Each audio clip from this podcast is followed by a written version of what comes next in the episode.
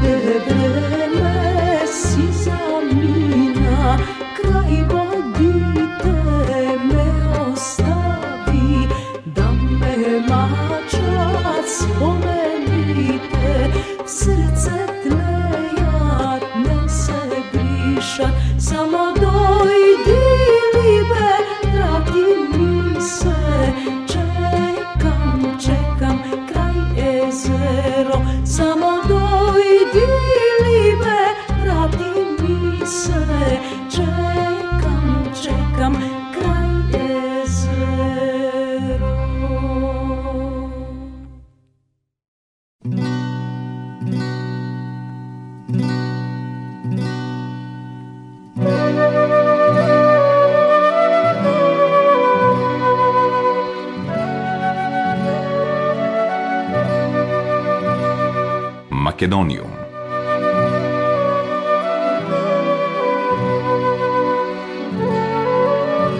Добар ден и добре дојдовте во најновото издание на емисијата Македониум. Со вас, почитувани слушатели, е вашиот уредник и водител Јулијана Милутиновиќ.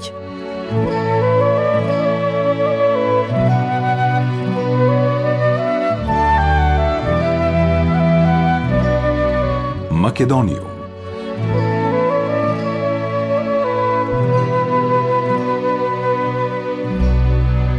Сдруженијето на граѓаните од Македонското национално малцинство од Нови Сад Свети Кирил и Методи минатата недела по 16 пат започна со одбележувањето на деновите на македонската култура во Нови Сад. Свечената академија во чест на светите браќа Кирил и Методи се одржа во културниот центар во Нови Сад. Книжевно-поетската вечер беше на 28 мај во просториите на Друштвото на книжевници на Војводина, кога се одржа и промоцијата на книгата Возна животот на Сонја Конеска Жугиќ од Белград. Ликовната изложба со наслов Инспирација на младиот македонски уметник Славчо Павловски ќе биде отворена утре на 2 јуни во културниот центар Милош Црњански, додека вечерта посветена на македонската изворна песна ќе биде одржана на 8 јуни во културната станица Екшек. Планот на Сдруженијето е оваа година во периодот од септември до декември да одржи работилници за изучување на македонскиот јазик, кои ќе ги води професор Сандра Субиќ.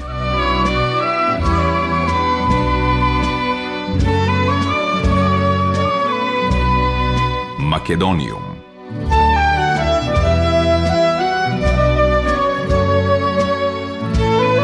Традиционалната прослава на деновите на македонската култура во Србија, Добир на Македонија во мај, започна и во Белград, каде Сдруженијето на македонците Македониум од Белград ја започна на 23 мај.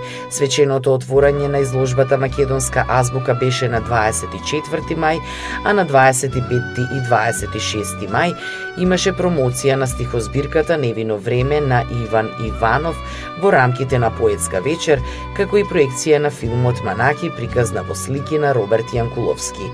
Актерско-музичкиот перформанс Возот на животот со Сонја Конеска Жугиќ и ансамблот Македониум се одржа на 27 мај, додека концертот на Билјана Камчева флейта и сопран во пијано придружба на Елена Силјановска и сопран придружба на Јелена Алексиќ се одржа во конакот на кнегиња Љубица на 28 мај.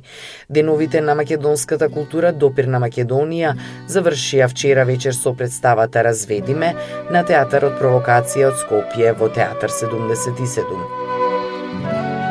Македониум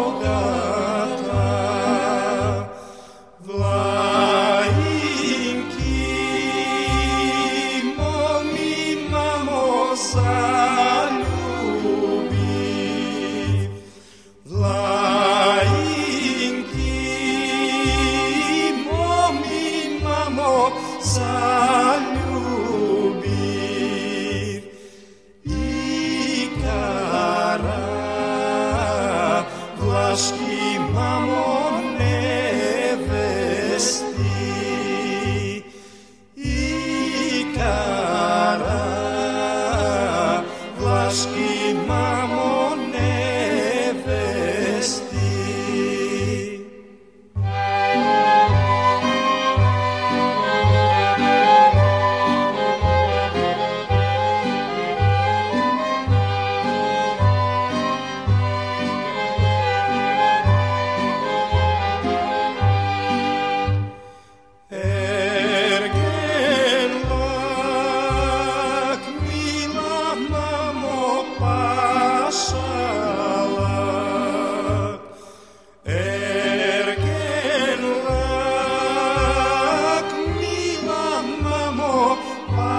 Russia.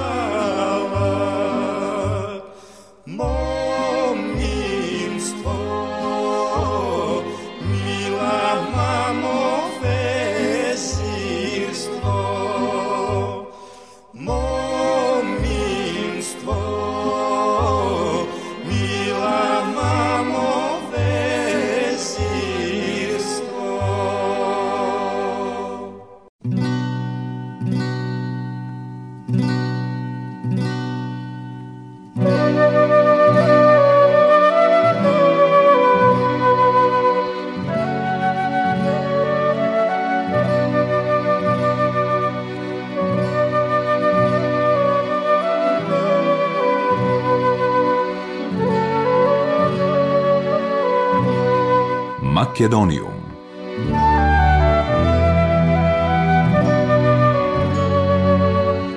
Разведиме е представата што дефинитивно имаше рекорден број изведби во последните три месеци во однос на сите други представи во македонска продукција.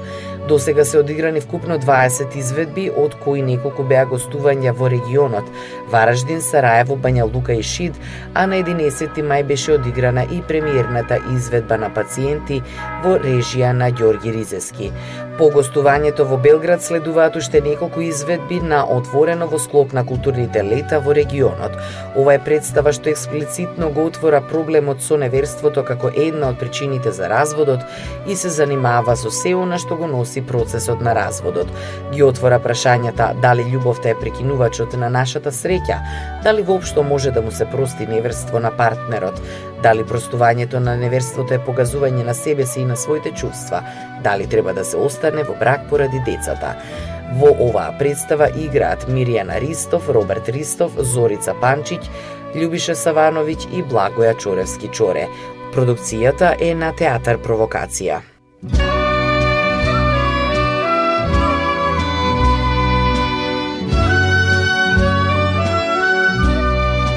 Македонија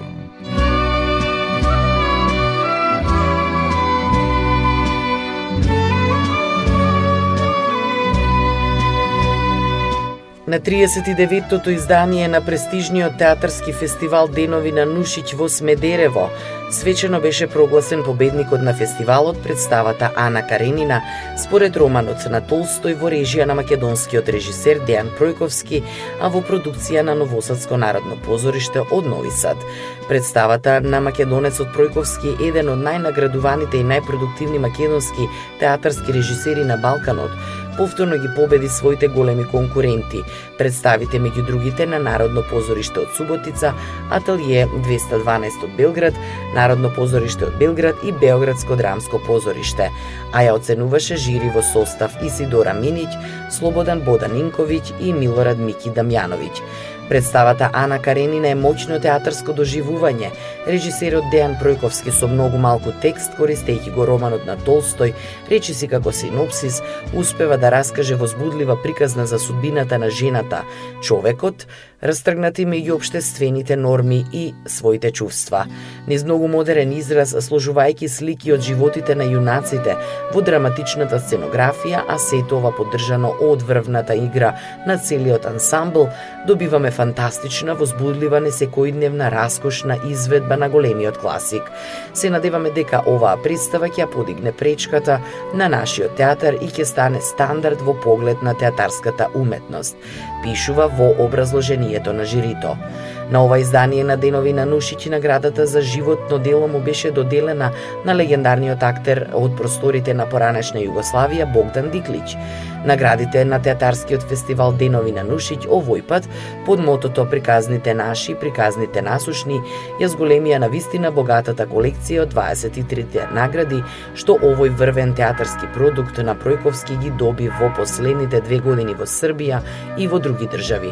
Имено Ана Каренина ги понесе на наградите на сите релевантни фестивали во Србија во изминатите две години, како што се фестивалот на професионални театри во Војводина, фестивалот Тврдјава, фестивалот Борини театарски денови во Врање, театарска пролет во Шабац и така натаму. Актерката Марта Береш пак за улогата на Ана Каренина е прогласена и за најдобра актерка во Унгарија. Со сите овие награди Ана Каренина е најнаградуваната представа во историјата на Новосадско народно позориште од Нови Сад, а истовремено го вбројува македонскиот режисер Дејан Пројковски во редот на најзначајните театарски режисери на денешнината не само во Македонија, туку во целиот регион. Деновиве режисерот Дејан Пројковски започна со подготовките на проектот Инферно според пеколот од Данте Алигиери во Народниот театар Јордан Хаджи Константинов Джинот, долго очекуван од македонските професионалци и љубителите на театарската уметност, театарски спектакл подпишан од овој македонски врвен режисер.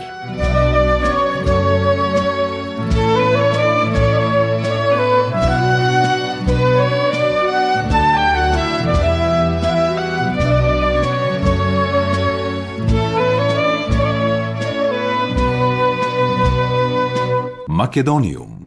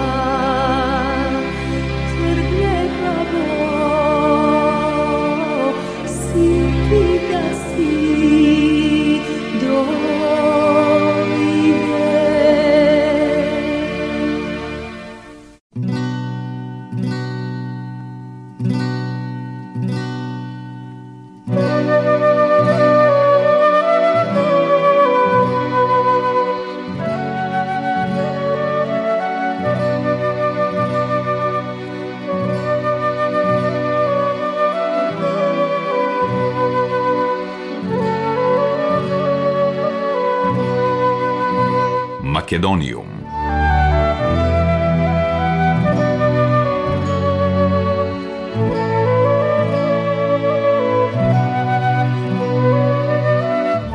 Проблемот на Тина во режија на Радован Петровиќ во продукција на Партизанс и Кино Око ја освои наградата Yellow Umbrella за најдобар краток филм во интернационалната селекција на Балкан Панорама Филм Фестивал, што се одржува во Измир, Турција.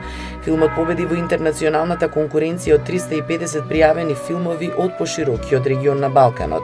Сценарието е на Румена Бужаровска, напишано според изиниот истоимен расказ. Главните улоги ги толкуваат Душица Настова, Жаклина Стевковска Дрнасин, Јордан Симонов, Тамара Ристовска, Емилија Мицковска Трајковиќ, директор на фотографијата е Андреј Лембанов, сценограф е Илина Ангеловска, костимограф Жаклина Крстевска, шминката е на Ирена Сенокозлиоска, монтажери се Радован Петровиќ и Вардан Тозија, а дизајнот на звук е на Ристо Алчинов.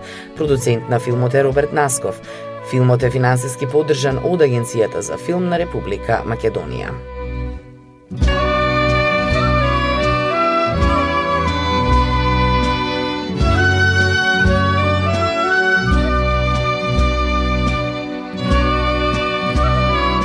Македонија следната недела ќе биде домаќин на лидерскиот самит на иницијативата Отворен Балкан во Охрид.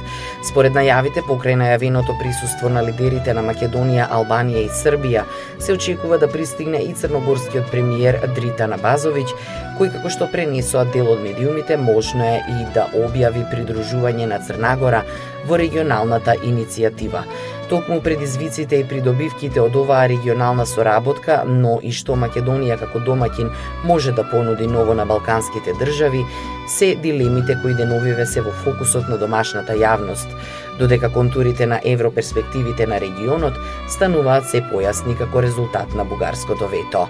Поранешниот амбасадор Нано Ружин за слободен печат коментирајќи ги очекувањата од одржувањето на самитот во Охрид, вели дека земјава би требало да понуди нови перспективи на соработка во туризмот, земјоделието и енергетиката. Според него, Отворен Балкан во Македонија ќе отвори решенија за многу затворени проблеми. Политичкиот аналитичар Синиша Пекевски смета дека Македонија треба да искористи секоја можност за напредок и оваа регионална соработка е добра затоа што ги отстранува голем дел од пречките за слободен транспорт и соработка на компаниите од овие земји. Според Пекевски, иако иницијативата Отворен Балкан се смета за резултат на разочарување од недостигот на опиплив напредок кон членството во Европската Унија, таа на крајот би можела да го промени регионот целосно кон подобро.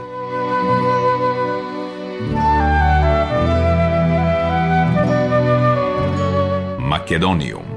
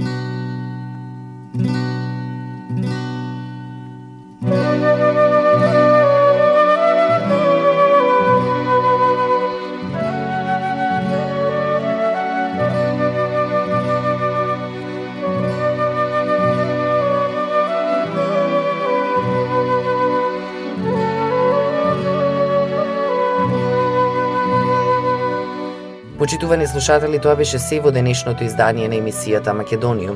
До следната среда во исто време, срдечен и голем поздрав од вашиот уредник и водител Јулијана Милутиновиќ. Ја следевте програмата на македонски јазик, емисија Македониум. Главен и одговорен уредник Воин Поповиќ.